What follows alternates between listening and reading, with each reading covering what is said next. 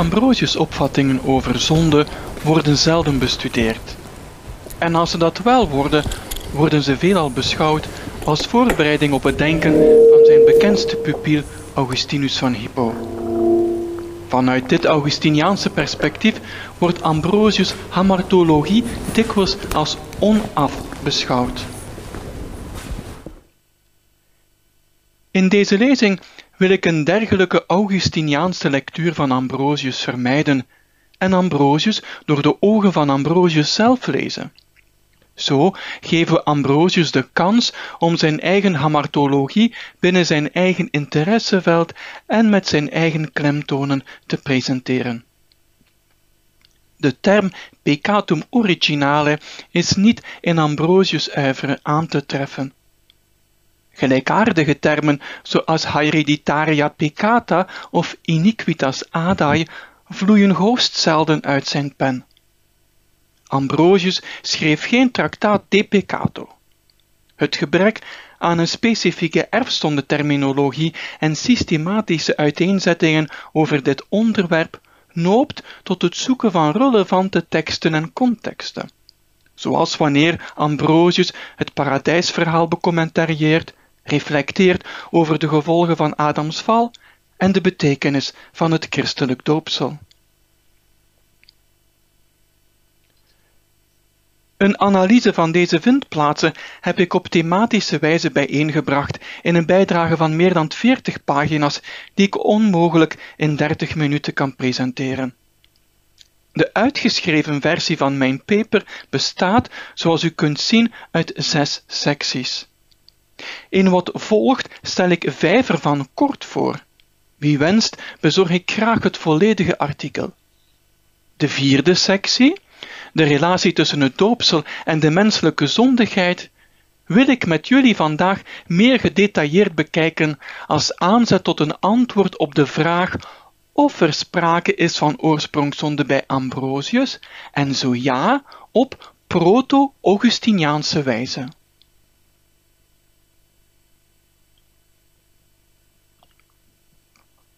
Eén. Ambrosius' reflecties over zonde als een persoonlijke wilskeuze.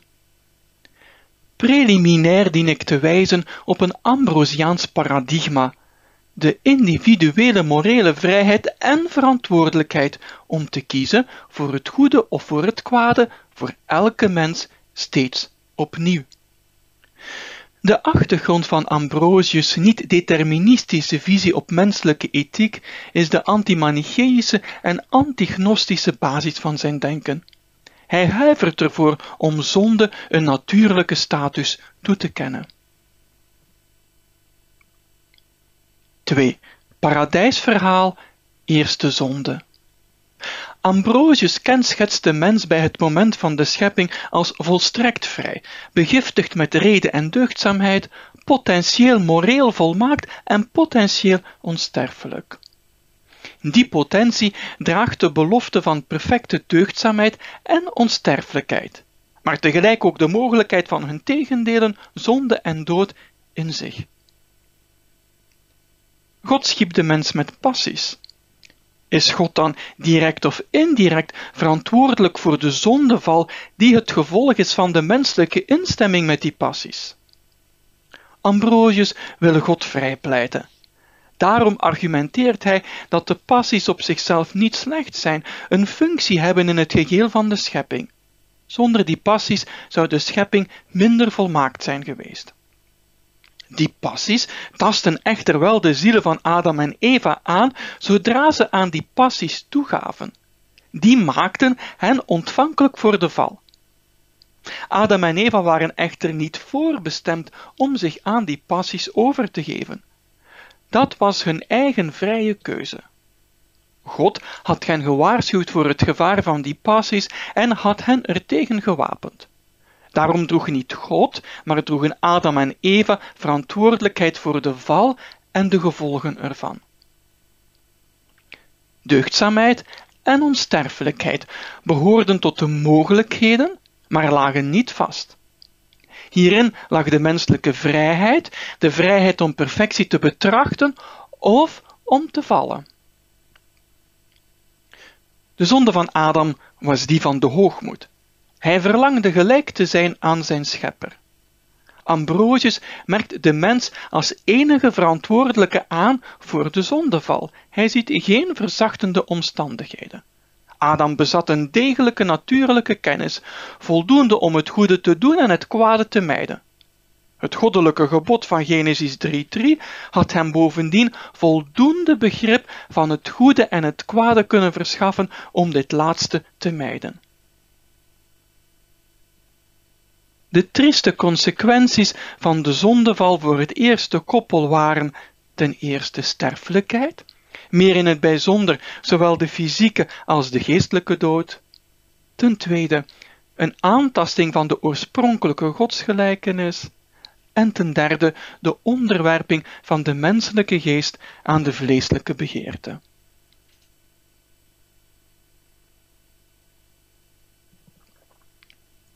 Drie.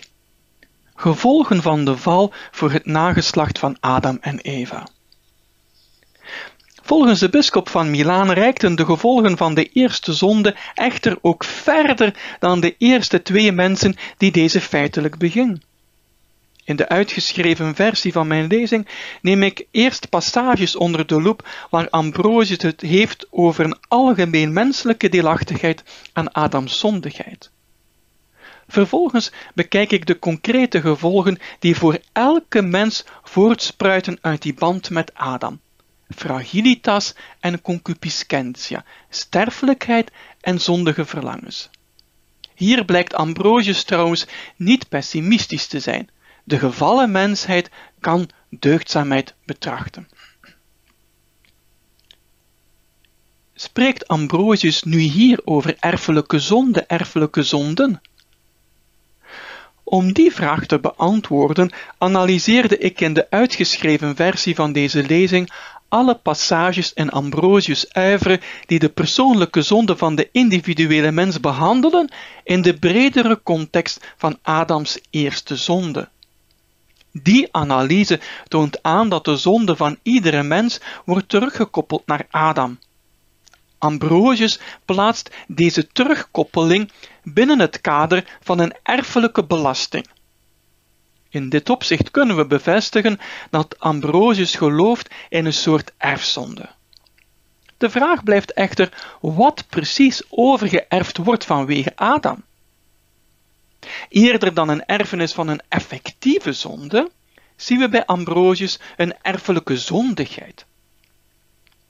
Behalve een tekstfragment uit De Tobia 23, een tekst die trouwens voer is voor verdere discussie, vond ik er geen bewijs van dat Ambrosius gelooft dat Adams schuld ook behoort tot zijn erfenis voor het gehele nageslacht. Wat ik wel observeerde, was dat de mensheid van Adam een zondigheid, dit is een neiging tot zonde en niet zonde aan zich, overerft. Op die manier wordt de schuld van Adam eigenlijk niet overgedragen, maar wordt elke generatie opnieuw zelf schuldig door toe te geven aan de overgeërfde zondigheid en dus door zelf te zondigen. Ambrosius onderschrijft een erfelijke zondigheid, zonder echter persoonlijke morele verantwoordelijkheid te ontkennen. Hij erkent die zondige erfelijkheid en roept tegelijk op tot actieve deugdzaamheid. Door Adams zonde is de mensheid meer geneigd tot zonde, maar effectieve zonde en schuld beperken zich tot de individuele verantwoordelijkheid en vice versa.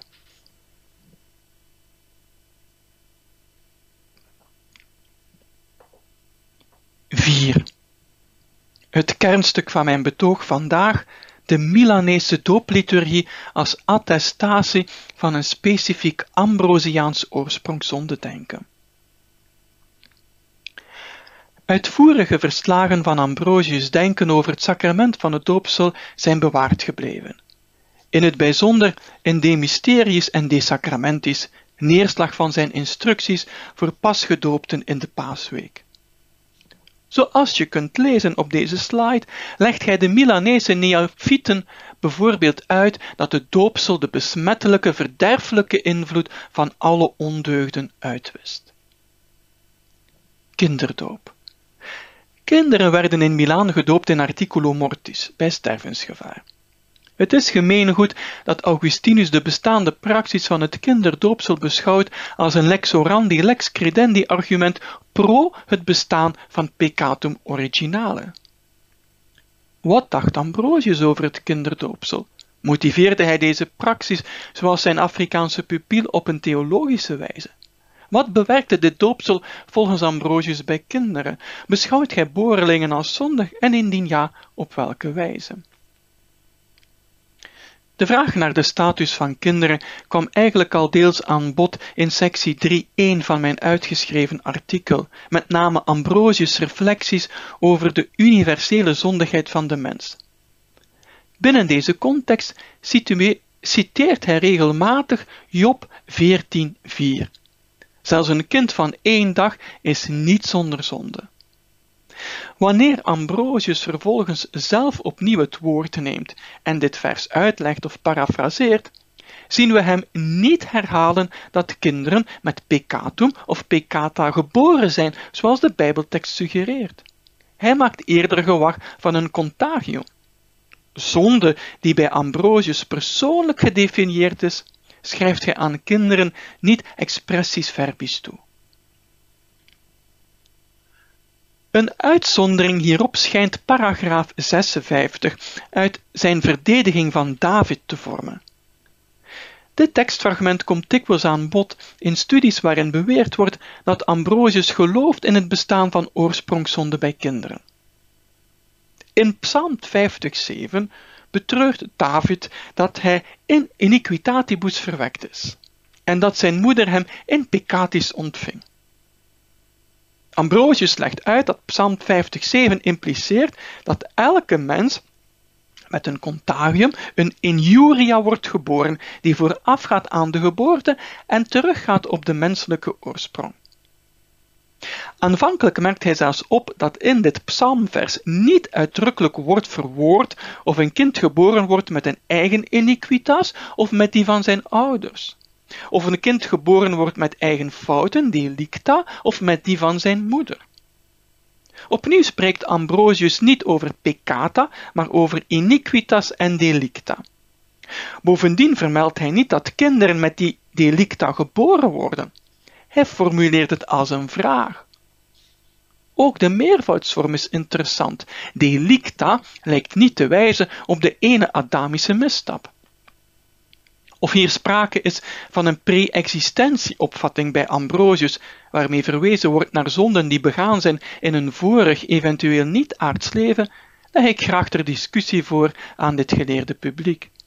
Van belang is de observatie dat Ambrosius het zich afvraagt, maar niet ingaat op de mogelijke implicatie van zijn vraag. Wanneer hij vervolgens Job 14.4 een kind van één dag is niet vrij van zonde, sine citeert om zijn vraag te antwoorden, affirmeert hij opnieuw niet dat kinderen met peccatum, peccata geboren worden.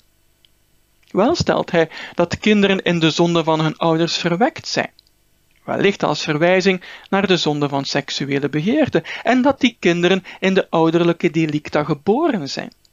Dat betreft dus de rol van hun ouders. Wat is dan het aandeel van de kinderen? Opnieuw zien we Ambrosius niet beweren dat die kinderen zonde zouden hebben, maar wel onder negatieve invloeden, contagia ervan staan. Opnieuw een meervoudsvorm. Kortom, dat Ambrosius niet zou geloven in de initiële onschuld van borelingen, of dat gij gelooft dat kinderen met zonde belast geboren worden, is met deze passage zeker niet bevestigd. In De Abraham verklaart Ambrosius dat het doopsel de conditio sine qua non is om in de hemel toegelaten te worden. Zonder de vergeving van zonden in het doopsel kan niemand immers opstijgen naar het koninkrijk van de hemel. In deze context legt hij trouwens de nadruk op ieders verantwoordelijkheid om na het doopsel rechtvaardig te leven. Ambrosius schrijft voor dat iedereen, zonder uitzondering, dus ook de infantes, dienen gedoopt te worden. De vraag rijst nu of de bovenstaande omschrijving van het doopsel ook van toepassing is op borelingen. Ten eerste, infantes kunnen zeker hun eigen verantwoordelijkheid niet nemen. Dit aspect is dus niet van toepassing op borelingen. Ten tweede, volgt de vraag of infantes ook al zonde dragen. Anders geformuleerd, wat gebeurt er als ze ongedoopt sterven?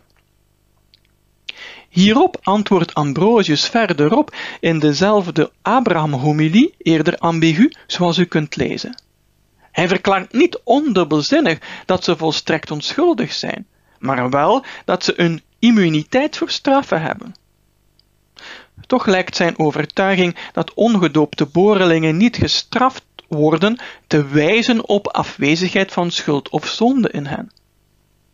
Deze observatie stemt overeen met Ambrosius Kleim in De Paradiso, geciteerd op de slide, dat een boreling zonder enige schuld of overtreding op de wereld komt.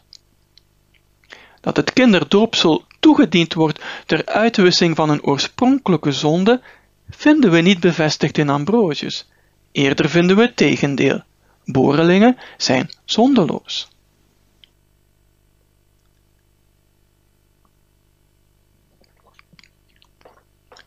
Als borelingen onschuldig het daglicht zien, wat wordt er dan in het doopsel bij hen uitgewist? Eigenlijk stelt Ambrosius deze vraag niet. Laat staan dat hij deze praxis theologisch legitimeert. Augustinus stelt de vraag wel. Om die vraag te beantwoorden beroept Augustinus zich op een passage uit Ambrosius' uitleg van het Evangelie volgens Lucas. Dat tekstfragment is vanwege Augustinus gebruik ervan niet zonder controverse. Ambrosius geeft uitleg bij Lucas 1:17, met name over hoe de kracht van Elia in Johannes was. Elia kon de vloedstroom keren volgens 2 Koningen 2:14. Elias splijten van de Jordaan associeert Ambrosius met het achteruitwijken van de Jordaan in Psalm 113:5. Deze watermetaforen voorspiegelen volgens Ambrosius het heilzame doopsel, waardoor de dopelingen hun oorspronkelijke kinderlijke onschuld terugkrijgen. Ambrosius stelt hier dus dat de doopsel van kwaad reinigt. Laat ons deze tekst op twee niveaus bekijken. Ten eerste. Augustinus en anderen lazen deze passage als een claim dat de doopsel parvoli van malitia reinigt. Augustinus redeneert dat als borelingen, die zelf nog geen kwaad begingen, in het doopsel toch van een kwaad moeten bevrijd worden, er in hen een niet-persoonlijke vorm van kwaad leeft, ergo oorsprongszonde bestaat. Een zorgvuldige lectuur leert echter dat dit helemaal niet in Ambrosius' tekst staat. Hij stelt wel dat wie gedoopt worden, bevrijd worden van kwaad en zo opnieuw naar hun primordiale natuur worden gebracht. Dit is met name de natuur van parvoli-borelingen. Niet de parvoli worden van kwaad bevrijd. Zondaars, volwassenen dus, die door het doopsel van kwaad worden bevrijd, worden opnieuw zoals parvoli. Dit is zonder zonde. Ambrosius gelooft met andere woorden dat parvoli onschuldig en zondeloos zijn. De tekst wijst derhalve op de onschuld van pasgeborenen en is dus een argument contra de oorsprongszonde-these. Ten tweede, op wat zou malitia wijzen? Augustinus wijst zijn tegenstander Julianus van Eclanum erop dat deze malitia zonder enige twijfel het peccatum originale betreft. Ofschoon deze interpretatie niet hoeft te worden uitgesloten, lijkt malitia op basis van onze voorgaande analyse vandaag toch eerder te alluderen op persoonlijke zonde en zeker niet exclusief voorbehouden voor oorsprongszonde. Toegegeven, de term malitia blijft eerder vraag en vergt verder comparatief onderzoek van Ambrosius' uiveren. Voor Neoplatonicus als Ambrosius wijst het misschien gewoonweg op de afwezigheid van het goede. Het kan ook wijzen op de condition humain, een neiging tot het kwade, of op het geboren worden in een zondige wereld waarin mensen zondigen zonder onmiddellijk de Augustiniaanse oorsprongszonde te impliceren. Op basis van bovenstaande analyse staat malitia in dit tekstfragment wellicht voor het morele kwaad door volwassenen bedreven. Straks neem ik de Mysterius onder de loep. Daarin zet Ambrosius uiteen dat de doopsel de individueel begane zonden vergeeft. En daarvan is er bij baby's, zeker binnen het belang dat Ambrosius hecht aan persoonlijke wilskeuze, geen sprake. Bovendien mogen we niet vergeten dat het kinderdoopsel in die tijd te Milaan, zoals trouwens ook te Hippo, eerder uitzondering dan regel was. We denken over het kinderdoopsel in termen van oorsprongszonde in een periode die voorafgaat aan Augustinus' reflectie daarover in de Pelagiaanse controverse, is eigenlijk een anachronisme. Ofschoon Ambrosius het doopsel verbindt met de zonde van Adam, we bekijken meteen hoe precies, doet hij dit niet specifiek voor het kinderdoopsel.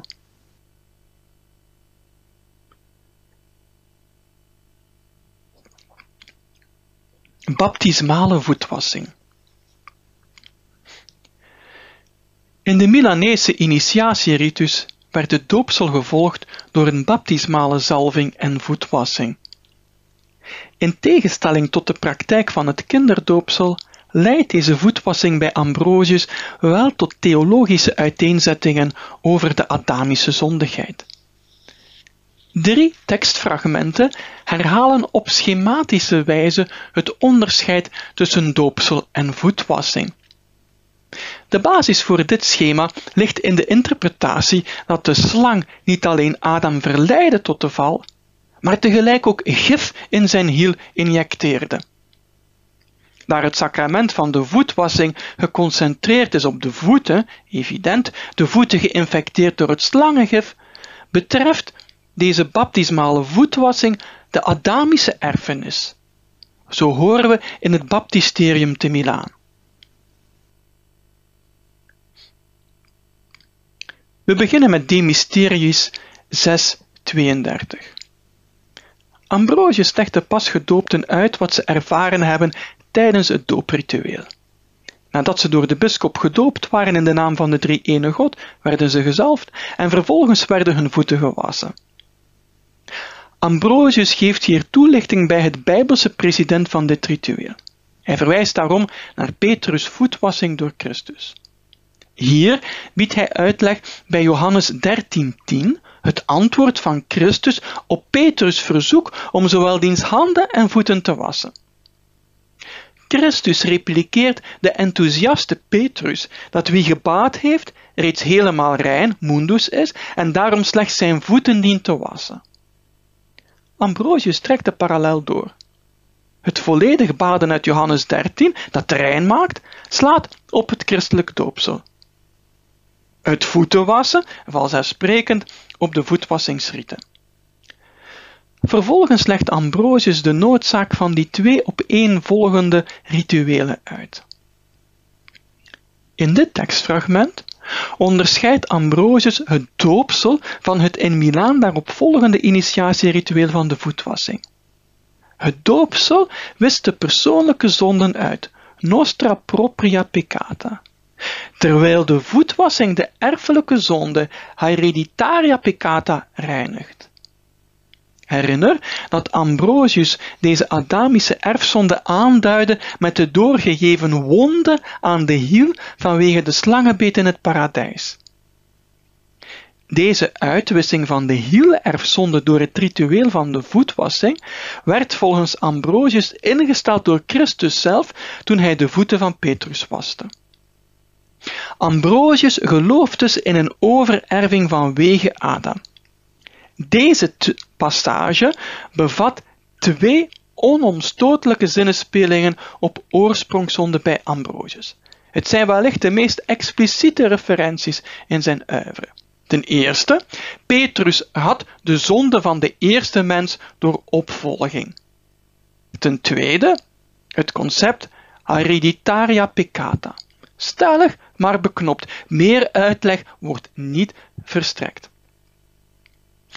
Tegelijk onderscheidt de Milanese catecheet de overgeërfde zonde van persoonlijk begane zonden, waarbij Ambrosius het register onmiddellijk van enkelvoud, zonde van de eerste mens, naar het meervoud, erfelijke zonden, wijzigt. Misschien in contrasterende parallelie met het meervoud peccata propria. Ambrosius erkent met andere woorden erfelijke zonden. Maar wanneer hij expliciet spreekt over schuld, verbindt hij die schuld louter met persoonlijke zonde.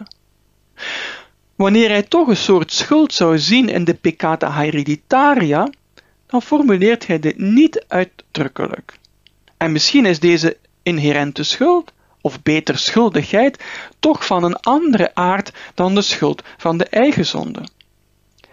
Dit onderscheid lijkt de these te bevestigen dat mensen slechts schuld dragen aan de eigen zonde. Deze meervoudsvorm resoneert trouwens met de meervoudsvormen delicta en contagia die we in de Apologia Prophetae David 11 aantroffen. Zouden we hier een echo kunnen aantreffen van de oud-testamentische notie van peccata patrum, Exodus 20:5, Deuteronomium 24:16, Ezekiel 18:1 tot 4? Een piste voor interessant verder onderzoek. Wel lijkt het met andere woorden niet om de ene Adamische zonde te gaan. Naast het veranderen van getal wijzigt Ambrosius op een tweede manier van register. Hij wijst op het vervolg van Jezus' antwoord op Petrus, met name in Johannes 13:14. Jezus roept op om, net zoals hij zelf voordeed, de voeten van elkaar te wassen. Ambrosius vertaalt het nog eens voor alle duidelijkheid. Jezus gaf door de voeten van zijn leerlingen te wassen het voorbeeld van nederigheid. Pasgedoopten moeten die nederigheid navolgen. Zelfdeugdzaamheid betrachten is met andere woorden de opdracht die het doopsel behelst.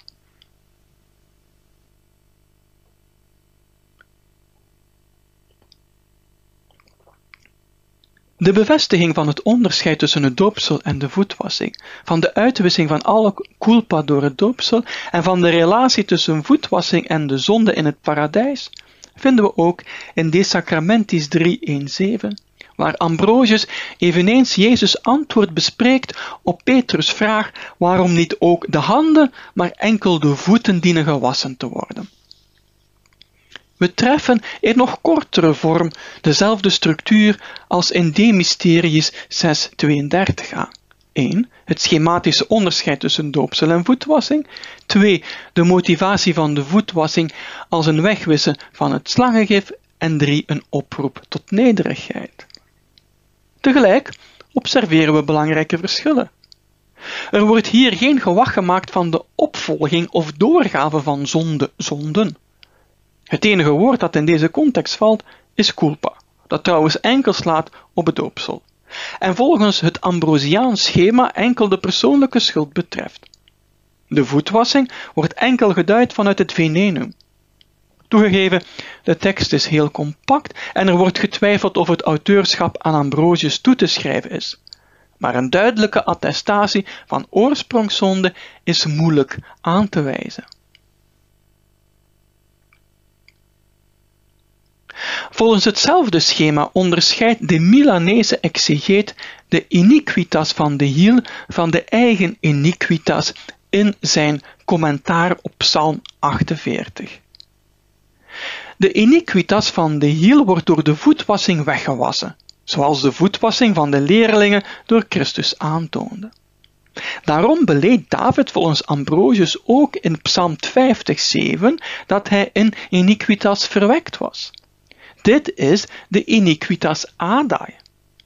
Christus, zo vervolgt Ambrosius, was zowel zonder persoonlijke als zonder Adamische iniquitas. Terwijl we hier nu een duidelijke Adamische zonde aantreffen, geeft Ambrosius in het vervolg van de tekst aan dat deze iniquitas calcanei of iniquitas adai volledig Adams verantwoordelijkheid is en geen persoonlijke zonde van ons is. Er is slechts sprake van een overgeërfde neiging, lubricum hereditatis, een overgeërfde neiging tot het kwade, lubricum delinquendi, Ofschoon de mens dus niet per se schuldig is aan Adams zonde, geeft de mens wel heel gemakkelijk toe aan die zondige neiging. In dit opzicht heeft de voetwassing naast een sacramentele werking ook een morele opdracht, met name om deze wonden te blijven verzorgen, permanent te strijden tegen de zondige verlokkingen. Daarop roept Ambrosius op in het tweede citaat.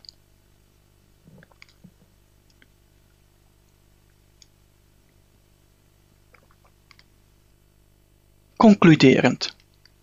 De Milanese baptismale voetwassing noopt Ambrosius tot het volgende tweevoudig schema: doopsel voor persoonlijke zonde, voetwassing voor het slangengif. Wat we precies onder dit slangengif dienen te verstaan, verwoordt Ambrosius niet eenduidig. Enkel in De Mysterius expliciteert hij de band met de eerste zonde en erfelijke zonde. In De Sacramentis thematiseert Ambrosius die band niet en valt de precieze betekenis voor ons moeilijker om te achterhalen. Iniquitas draagt zijn voorkeur in zijn uitleg bij Psalm 48. Wel gemeenschappelijk aan de drie tekstfragmenten en wel ondubbelzinnig is dat Ambrosius de schuldvraag steeds persoonlijk invult. Er is dus geen sprake van een overgeërfde schuld. Hij beëindigt zijn beschouwingen stevast met morele aansporingen, waarmee tevens de persoonlijke verantwoordelijkheid wordt onderstreept. 5. Proto-Augustiniaans Vraagteken. Celestius, een Italiaanse vluchteling en een zogenaamde leerling van Pelagius, werd door het concilie van Carthago eind 411 veroordeeld vanwege zijn ontkenning van de oorsprongszonde. Deze veroordeling betekende het startschot van de Pelagiaanse controverse en verhitte discussies over het bestaan en de mogelijke gevolgen van de oorsprongszonde. Augustinus, de fervente verdediger van deze doctrine was niet aanwezig tijdens dat concilie. Deze afwezigheid doet een eerste vraag reizen. In welke mate heeft Augustinus het denken over oorsprongszonde uitgevonden? Voor vele geleerden is zijn afwezigheid tijdens dat concilie een reden om aan te nemen dat Augustinus niet kan worden beschouwd als de uitvinder van deze leerstelling en dat er toen al een bestaande consensus hierover heerste. Een tweede vraag die opkomt. Als er al een consensus was, bestond deze ook buiten Noord-Afrika? In deze context is het interessant om aan te stippen dat de spreekwoordelijke knuppel in het hoenderhok werd gegooid door Paulinus van Milaan. Niet een Afrikaanse landgenoot van Augustinus, maar wel een Italiaanse landgenoot van Celestius. Paulinus was immers een diaken afkomstig uit Milaan en de voormalige secretaris, notarius van Ambrosius. Wijst het feit dat deze Milanese Paulinus, die intiem vertrouwd was met het denken van Ambrosius, Celestius het vuur aan de schenen legt betreffende oorsprongsvondeleer op een theologische traditie in die stad, eventueel teruggaand op Ambrosius? In een eerste beweging van de vijfde sectie van de uitgeschreven versie van mijn lezing bied ik een uitgebreide state of the art van de hevige discussie over de relatie tussen Augustinus en Ambrosius betreffende oorsprongszonde. Waaronder sommigen onder jullie aan het woord komen, en vooral mijn eigen doktervader, die dat als volgende spreker deze morgen zelf zal toelichten. Grosso modo zijn er twee kampen scholars die het eens zijn met Augustinus' beroep op Ambrosius en anderen niet.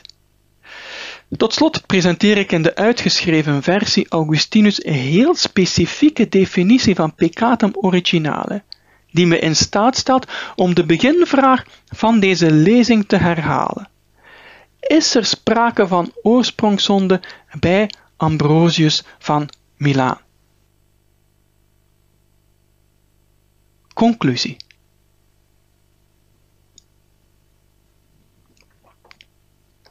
Ofschoon Ambrosius geen systematische uiteenzetting aan zonde in het algemeen en deze van Adam in het bijzonder wijde, heeft hij er bij verschillende gelegenheden en in verschillende contexten over nagedacht. In dat opzicht is het correct om te spreken over een Ambrosiaanse hamartologie. Augustinus, cum suis, leest Ambrosiaanse passages die handelen over een universele Adamische zondigheid als bewijs van Ambrosius geloof in de participatie van de volledige mensheid in Adams zonde. Enige voorzichtigheid is echter geboden. De aangehaalde teksten van Ambrosius zijn eerder vaag en niet gedetailleerd. Eigenlijk hoeven ze niet per se op Augustiniaanse wijze begrepen te worden. Ze slaan op Ambrosius' overtuiging dat de mensheid deelt in de gevolgen van Adams eerste zonde, zonder dat Ambrosius zich uitlaat over een universele menselijke schuld in Adam. In mijn lezing heb ik betoogd dat deze interpretatie meer in de lijn ligt van Ambrosius' notie van persoonlijke verantwoordelijkheid voor begane zonden. Dat Ambrosius reflecteerde over Adams val en de impact daarvan op de mensheid valt niet te ontkennen. Er is bij hem sprake van een oorspronkelijke zonde. Dat Augustinus daarom beroep op hem deed, valt hierdoor te verklaren. Ambrosius' invulling van dit concept verschilt echter op belangrijke vlakken met de betekenis die Augustinus eraan verstrekt. Om een concreet voorbeeld te geven. We analyseerden Ambrosius Lucas commentaar 1.17 en stelde vast dat deze passage betrekking heeft op persoonlijke zonde en tegelijk de mogelijkheid oppert om in de toekomst de zondige neigingen te overwinnen. Ofschoon geciteerd door Augustinus, bevestigt deze tekst al dus niet Augustinus' interpretatie ervan, eerder in tegendeel. De optelsom van De Tobia, culpa, de mysteriis hereditaria peccata, en in Psalmum 48 iniquitas adai, lijkt op het eerste gezicht Augustinus' beroep op zijn doopmeester te legitimeren. Maar deze passages zijn heel uniek in het uiveren van Ambrosius. De meeste andere relevante passages wijzen in een niet-Augustiniaanse richting. Een zorgvuldige lectuur van die drie passages verhindert trouwens die eenvoudige optelsom. Objectief bekeken Los van een Augustiniaanse hermeneutiek motiveren zij geen gelijkschakeling met een Augustiniaanse oorsprongszonde. Een smoking gun hebben we niet gevonden. Bij Augustinus krijgt peccatum originale ontologische en universalistische eigenschappen.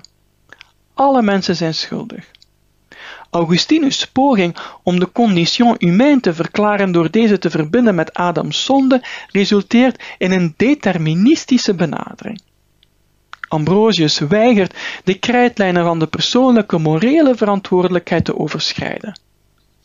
Ook Ambrosius stelt vast dat de mensen het zondige niet kunnen laten en verklaart deze observatie eveneens vanuit Adams zonde, een overgeërfde neiging tot zondigen. Ambrosius weigert echter die verklaring deterministisch in te vullen. Tot slot, de analyse dat Ambrosius' hamartologie in vergelijking met die van Augustinus onaf is, klopt dus niet. Ze staat op zich en heeft een eigen oogmerk, met name morele verbetering van de christenen.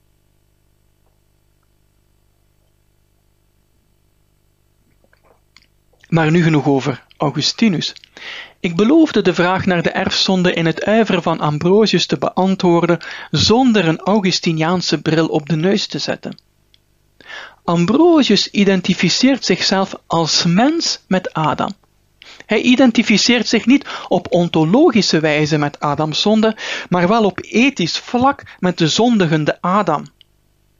In dit opzicht gelooft gij niet in een universele zonde, maar wel dat elk mens afzonderlijk het extreem lastig vindt om niet in te gaan op de neiging tot zondigen die een ieder van Adam ontvangt. Die erfelijke belasting omschrijft gij in termen als een smetvlek, ziektebesmetting, infectie, een onrecht onbillijkheid, een gifbeet wonde, een gevallen miserabele conditie, maar niet als een effectieve zonde of als daadwerkelijke schuld. Die erfelijke neiging constitueert dus niet zonde of schuld op zich. Tegelijk is het precies door toe te geven aan deze neiging dat mensen schuldig worden. In dit opzicht erkent Ambrosius de kwalijke erfenis van Adam, die op zich al erg genoeg is, maar hij wenst ze ook geen grotere rol toe te kennen dan ze al speelt. Van Adam erft elke mens zondigheid, schuldigheid, die aanzet tot persoonlijke zonde, maar dit betreft geen effectieve zonde, geen daadwerkelijke schuld. Persoonlijke culpabiliteit is het Ambrosiaanse paradigma. In Ambrosius' reflecties over de invloed van Adams eerste zonde koppelt hij die invloed los van de schuldvraag. Iedereen draagt zijn eigen verantwoordelijkheid. Daarom gelooft hij ook niet dat de mensheid in zijn geheel gedoemd is tot falen. Algehele zondevergeving en volledige deugdzaamheid tijdens het aardse leven zijn niet uit te sluiten. Om met een boetade af te sluiten. Ambrosius beschouwt de mensheid als fragiel, maar niet als gebroken. Met deze mooie Hollandse parel eindig ik mijn lezing. Wil ik jullie van harte danken voor jullie aandacht. Ik geef ook mijn e-mailadres mee voor mensen die geïnteresseerd zijn in de volledige uitgeschreven versie van mijn bijdrage en kan ik alleen maar de hoop uitspreken om in de nabije toekomst jullie allen terug vast à vast te mogen ontmoeten. Hartelijk dank. Hartelijk dank, Antoni. En eigenlijk wil ik om jou optimaal uh, te helpen uh, en ook optimaal gebruik te maken van de technische middelen, nu iedereen hier in de kerk in gelegenheid stellen om een vraag te stellen of kort te reageren dat duidelijk te doen, dan herhaal ik die vraag of opmerking en kun je, kan Antoni ook daar weer mee verder. Dus misschien mag ik jullie allemaal uitnodigen om kort te reageren. Wie? Ja, Marcel. Uh, ja, prachtige lezing. Uh, ik heb uh, twee korte opmerkingen. Curieus is Ja, dus Marcel constateert eigenlijk uh, een ongelijkheid in Psalm 51, hè, waar ongerechtigheden wordt vertaald, maar in het Hebreeuws een enkelvoud te constateren is. En dan het tweede is ook belangrijk, uh, dat dus in de exegese van de slang met het gif, dat daar een exegese uh, ook in de Joodse traditie aanwezig is, die er sterk, waar Ambrosius uitleg sterk aan doet denken begrijp ik. Volgende reactie.